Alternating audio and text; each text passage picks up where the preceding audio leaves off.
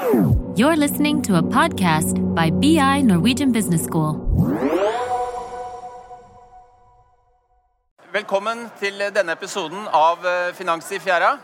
Denne gangen så har vi beveget oss fra fjærestedene på Østlandet til Norges oljehovedstad, Stavanger, og ONS 2022. Hva skal vi snakke om i dag, Kjell? Jo, I dag skal vi snakke om oljefondet, og litt nærmere bestemt om mandatet som oljefondet har fått fra Finansdepartementet. Statens pensjonsfond, eller oljefondet da, som det mer folkelig eh, kalles, ble oppretta i 1999. Og Folkelig sagt så var hensikten med opprettelsen av oljefondet at man skulle lukke den såkalte haikjeften. Eh, når jeg startet å undervise på BI i 96, så snakket vi mye om haikjeften. Og Den lar seg illustrere da med fallende petroleumsinntekter i fremtiden for staten, samt kombinert det med stigende pensjonsforpliktelser til den aldrende befolkning. nå. Første innskudd eh, kom eh, seks år senere, i 96. Eh, og Fondet skulle da alltid ha meint å investere langt. Men man kunne benytte seg av fondet hvis det var nødvendig. Og den nødvendigheten har jo politikerne funnet jevnt og trutt. for å si det sånn. Så det er korte trekk hva vi skal snakke om. Ja, og for å snakke om mandatet, eller kanskje på, sagt på annet vis, altså oppdraget som oljefondet har fått fra Finansdepartementet, så har vi vært kjempeheldige, Kjell. Vi har jo fått med oss eh, den første lederen av oljefondet, Ja. nemlig Knut Kjær. Ja, Det er et scoop.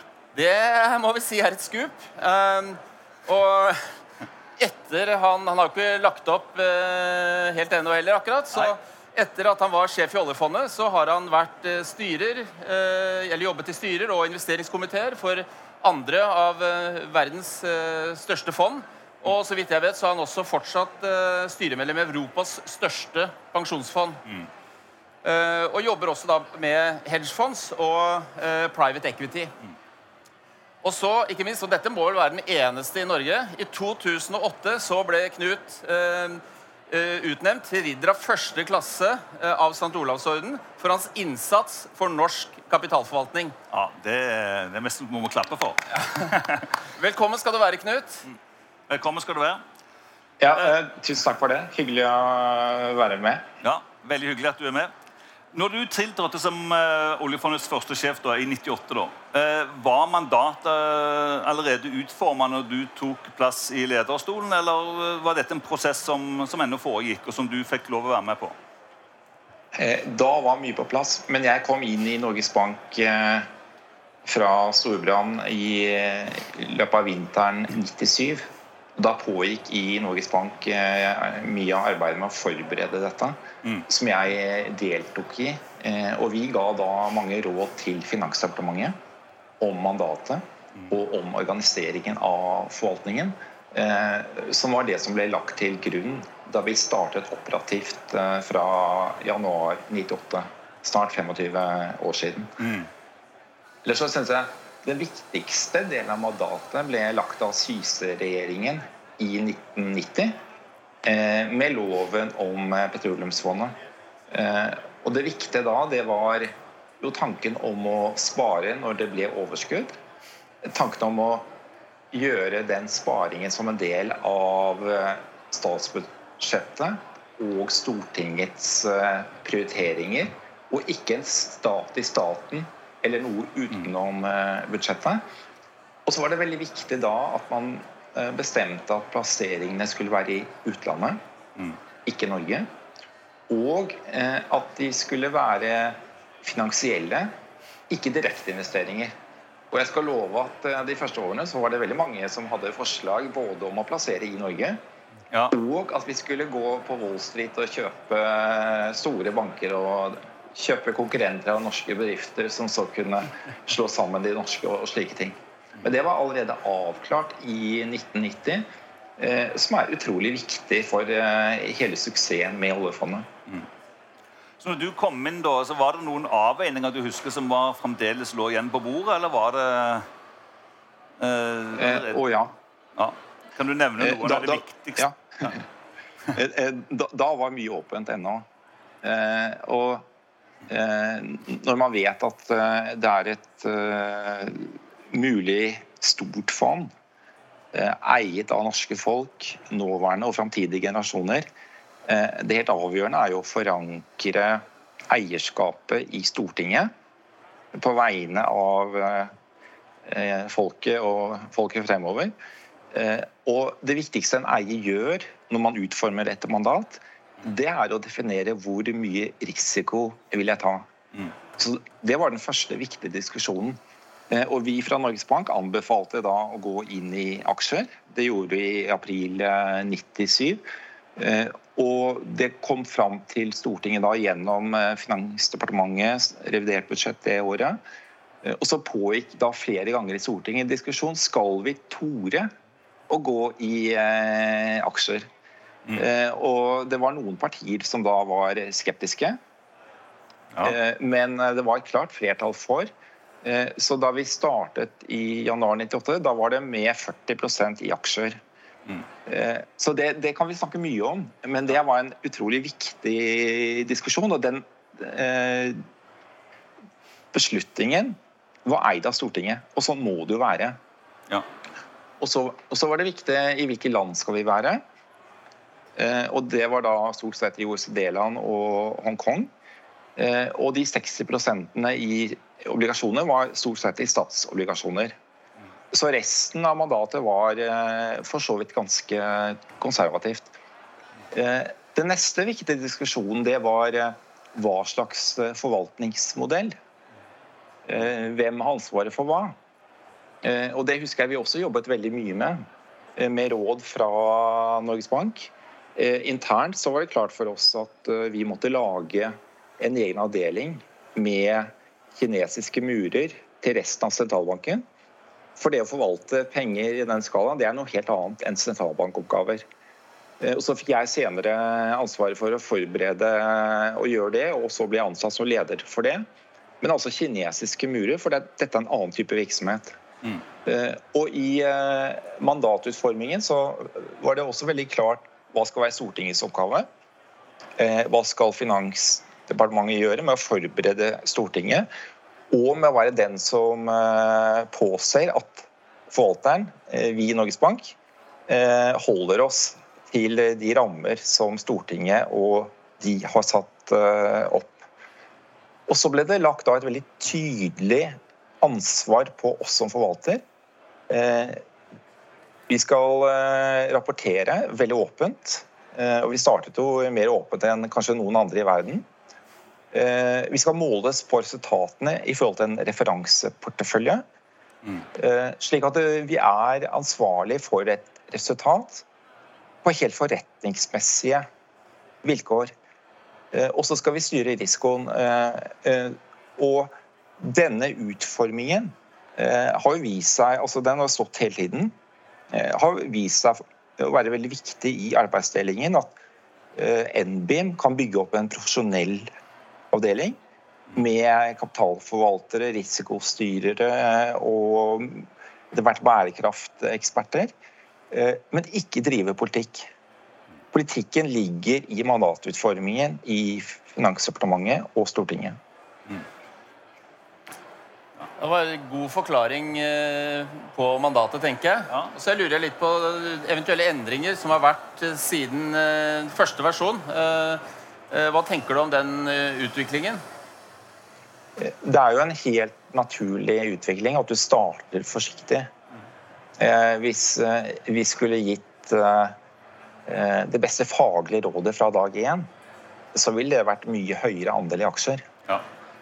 Fordi den, den, store trusselen når du tenker deg et lands sparing i finansmarkedene over mange generasjoner, det er jo inflasjon. Mm. Og for å være Eh, best mulig sikkerhet mot inflasjon, så må du være i realaktiva. Og ikke i obligasjoner, som er stort sett eh, nominelle aktiva. Eh, og aksjer er en type realaktiva. Og det var noe av det vi også forklarte Stortinget første året. Hvorfor dette er nødvendig for å redde kjøpekraften på lang sikt av fondet. Det koster litt, for det er større svingninger. Eh, men eh, sett over 100 år Vi presenterte perspektivet på langt over 100 år, for du må tenke veldig stort her.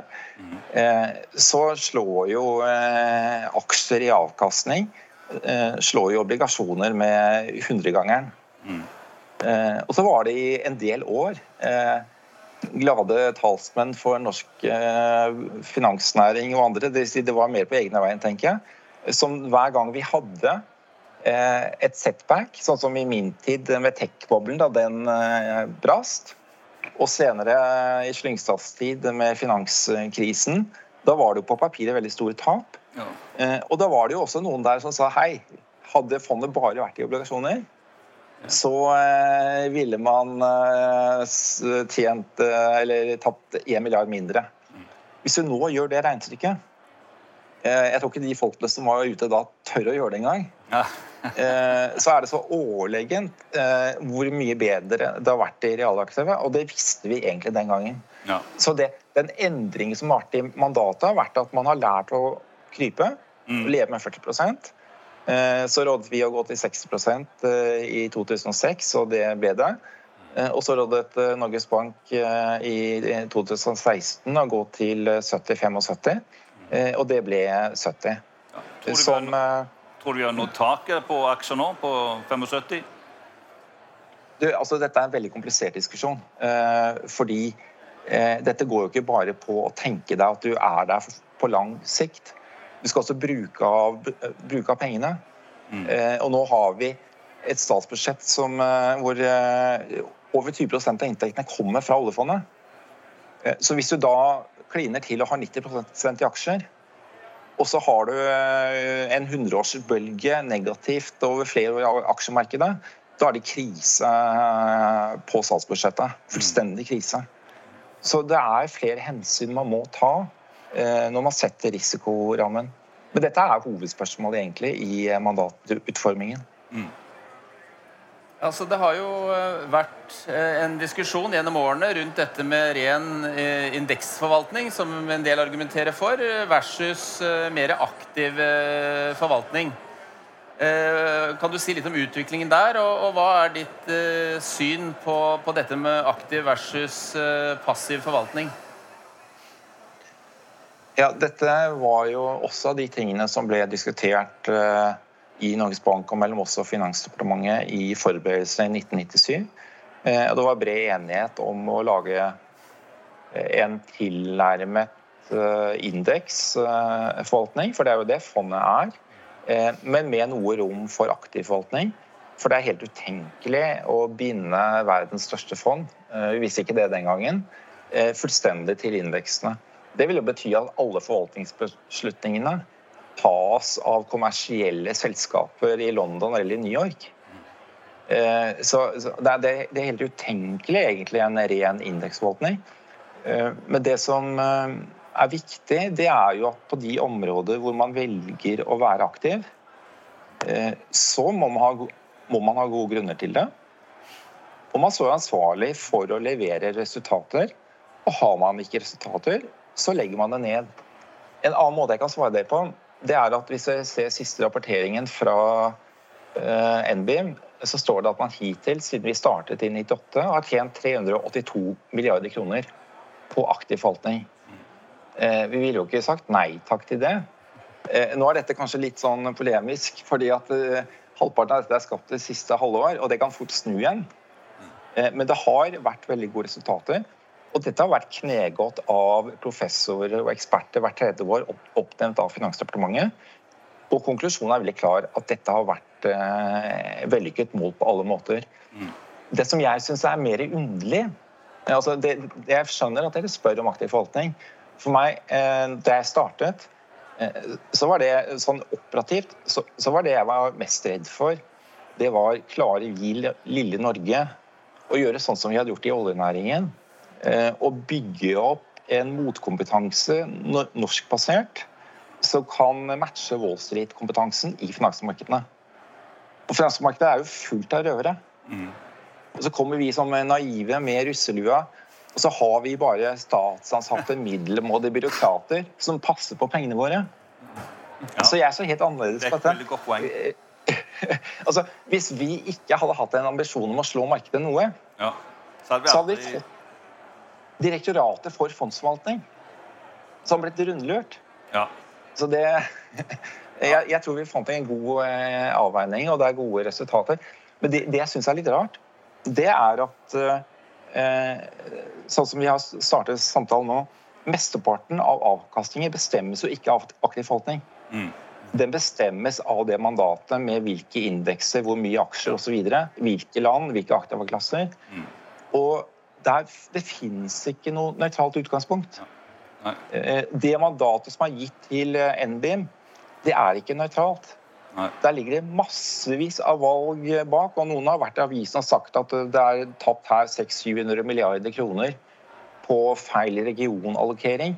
Eh, det er mange ulike vinkler inn til det. Mm. Men det vi burde ha i Norge nå, som aldri har vært ennå, det er jo at noen uavhengige vurderer mandatet. Mm. Slik som noen uavhengige hvert tredje år har vurdert den lille delen som er aktiv forvaltning. Mm. Det er et veldig godt, eh, veldig godt poeng. Og ofte veldig underkommunisert òg det poenget du sa for litt siden om at eh, det at vi bygger opp en aktiv forvaltningskapitalbase som gjør at vi òg får en god del kompetanse på dette. da. La oss da prøve å pense litt mer inn på, på tendenser som vi merker oss i, i, i, media og blant en del kolleger når det gjelder oljefond og, og bærekraft. Når det gjelder oljefondets tilnærming på ansvarlige investeringer og bærekraftige investeringer, så har jo fondet valgt å tydeliggjøre sine forventninger da, til, til, selskaper som man eh, aktivt eh, eier og er i, gjennom såkalte forventningsdokumenter. Altså hvor fondet da aktivt følger opp disse forventningene og engasjerer seg i selskaper da, eh, og følger de opp. Hva syns du om denne strategien versus det eventuelt som noen sier at vi skal bare selge oss ut? Eh, nei, dette er eh, veldig bra og vært en viktig del av det vi startet med allerede fra 2004, da de etiske retningslinjene kom på plass. Mm. Da hadde vi begynt med eierskapsutøvelse og stemme på generalforsamlinger og slikt i, i, det stille. Eh, og så spilte vi inn til det utvalget som da anbefalte etiske retningslinjer, at uh, kanskje stille krav til oss om å være mer aktive eiere. Mm. Og prøve positivt å forbedre selskaper og stille krav til selskaper. Istedenfor bare negativt å selge seg ut. Ja. Uh, og Det tok vi med også da vi deltok i FNs initiativ for bærekraftige investeringer. Mm. Hvor vi var med i arbeidsgruppen. Da tok vi de erfaringene som vi hadde i Norge. Og så sa vi at det er gammeldags å tenke bare ekskludering. Mm. Vi må også tenke påvirkning. Og det gikk gjennom og ble en viktig del også av de FN-prinsippene for uh, responsible investing. Mm. Ja, for Vi ser også for oss at det er fullt mulig å gjøre istedenfor å gå inn i selskaper og selge seg ut av de såkalt brune selskapene inn i grønne, mer enn i grønne, så kan du få til like mye for klimaet med å påvirke aktivt selskapet i en, en mer grønn retning, da, eller mer sosialt akseptert retning? Eh, ja, eh, vi har jo hatt eh, en del erfaringer med det. og Jeg, jeg, jeg følger jo med videre også og ser at det bare har forsterket seg. Men så er det klart at det går en grense. Mm. Og det diskuterte vi også de første årene. Sånn som det mest berømte tilfellet av uetisk type investering var en eh, produsent av antipersonell landminer. Og senere kom klasebomber. Du, du, kan jo ikke tenke deg at eierskapsutøvelse får den til å slutte å lage det. Mm. Eh, så, og, og, og, de eh, grove eh, forurenserne eh, med bruk av kull Altså, de er jo bastet og bundet til eh, sin ødeleggende forretningsvirksomhet. Mm. Det kan du ikke påvirke. Nei. men derimot, eh, så, så der er jeg veldig tilhenger av det som er gjort i Norge og i mange andre steder. At man eh, nesten bent går ut av alt som har med kull å gjøre. Mm. Men derimot på olje, og siden dette er en oljemesse ja. Jeg har sett litt på hvor stor forskjell det er mellom oljeselskaper i hvor mye initiativ og kapitalsatsing de har på bærekraft. Det er enorme forskjeller. Eh, og det kan du etter hvert lese i verdsettingen av dem også.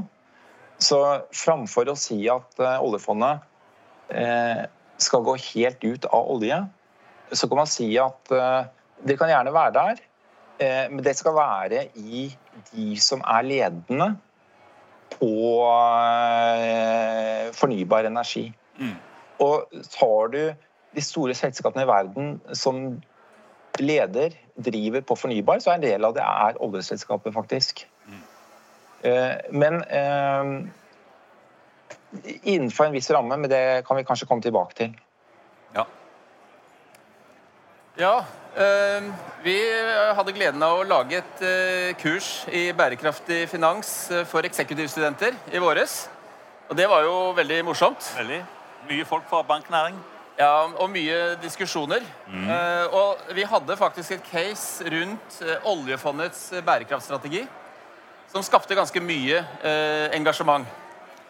Eh, det ble jobbet i grupper, og det ble diskutert, og, vi ble iblanda også i diskusjonene, selvfølgelig. Ja, absolutt. Eh, og, og vi utfordret dem også da på å komme med forslag til hva eh, oljefondet kunne, eller burde vurdere å gjøre. da. Ja. Hva var det vi kom til der, Kjell? Jo, det var noe som het at eh, oljefondet burde vært tydeligere da, og mer transparent. For disse forventningsdokumentene var kanskje litt eh, langtekkelige og lange å lese. og eh, Det er litt vanskelig å skape et engasjement og en debatt og en reell kunnskapsutvikling der. Da. Og, kanskje Ola Kari Nordmann kanskje ikke følte et reelt eierskap til den prosessen. Så Derfor foreslo de kanskje at eh, man skulle tydeliggjøre oljefondets på en måte syn gjennom en egen ESG-score. Ja, vekt, det vil si også vektingen da, på Vekting, de ulike bærekraftsfaktorene. Ja. Hva tenker du om det? Uh, jo, altså Dette er jo i praksis det man gjør i stor grad. Altså, man lager forventningsdokumenter som er veldig klare. eh, Dekker mange områder. Og så bruker man de inn i eierskapsarbeidet, både når man stemmer på generalforsamlinger og når man eh, møter ledelser og er aktiv. Eh, Og da er det tydelig hva man står for. Mm. Og det får konsekvenser, f.eks.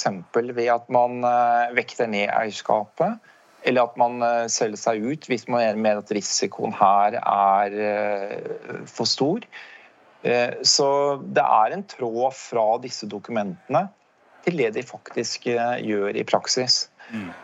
Så ligger det kanskje i forslaget å lage eh, oljefondets SG-score som så kan publiseres, og så kan du liksom få med andre, eller lage en gavepostokk eh, kanskje.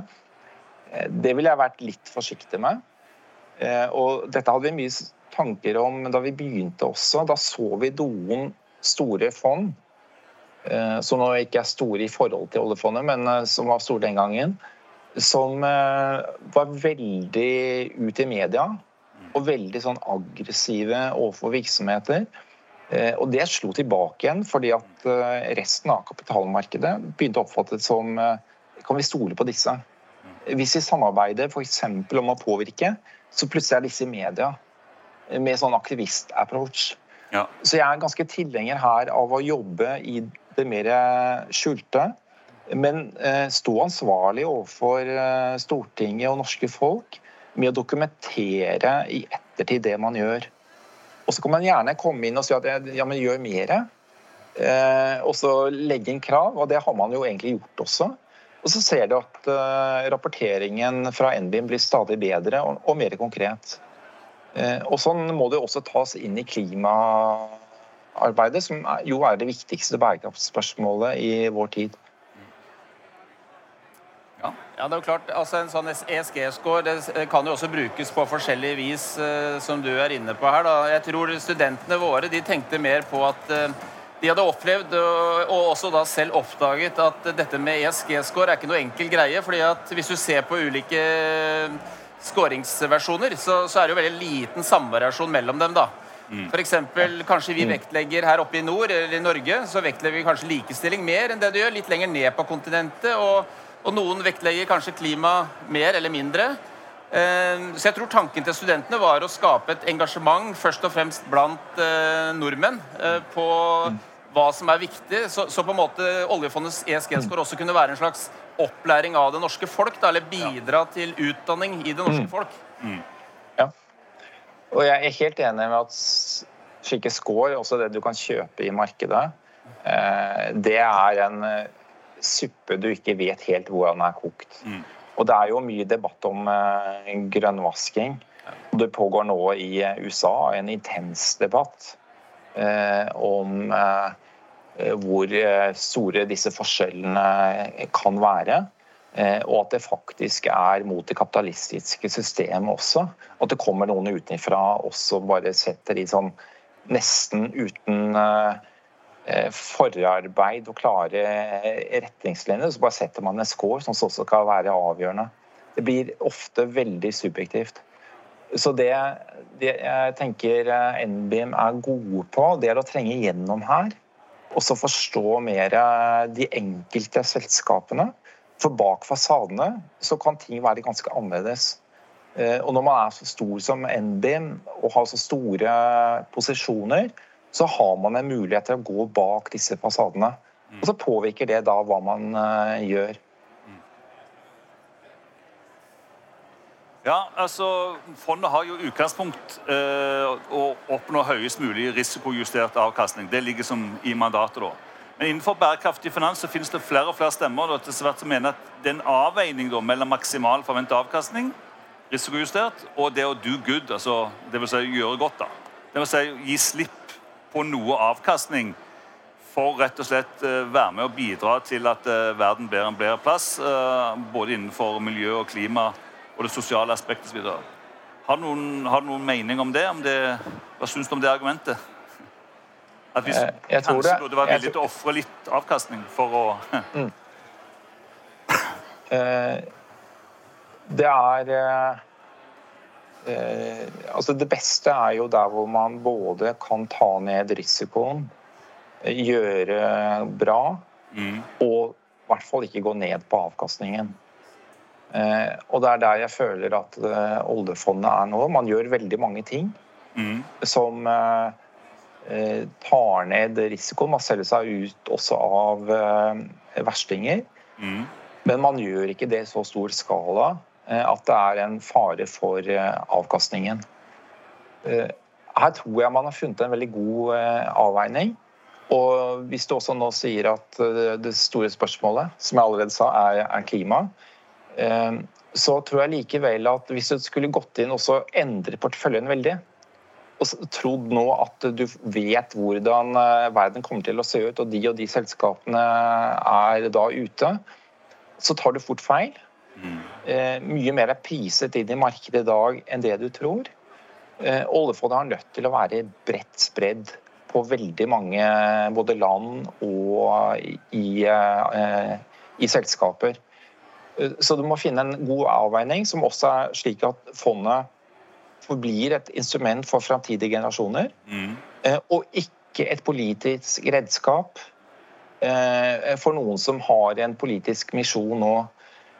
Eh, så det, er viktig her å finne sånn minste felles løsning, og der tror jeg man har vært gode. Og jeg tror at det Graver-utvalget som la opp eh, rammene for, eh, og grunnlaget for de etiske kriteriene, eh, gjorde veldig grundige diskusjoner av dette.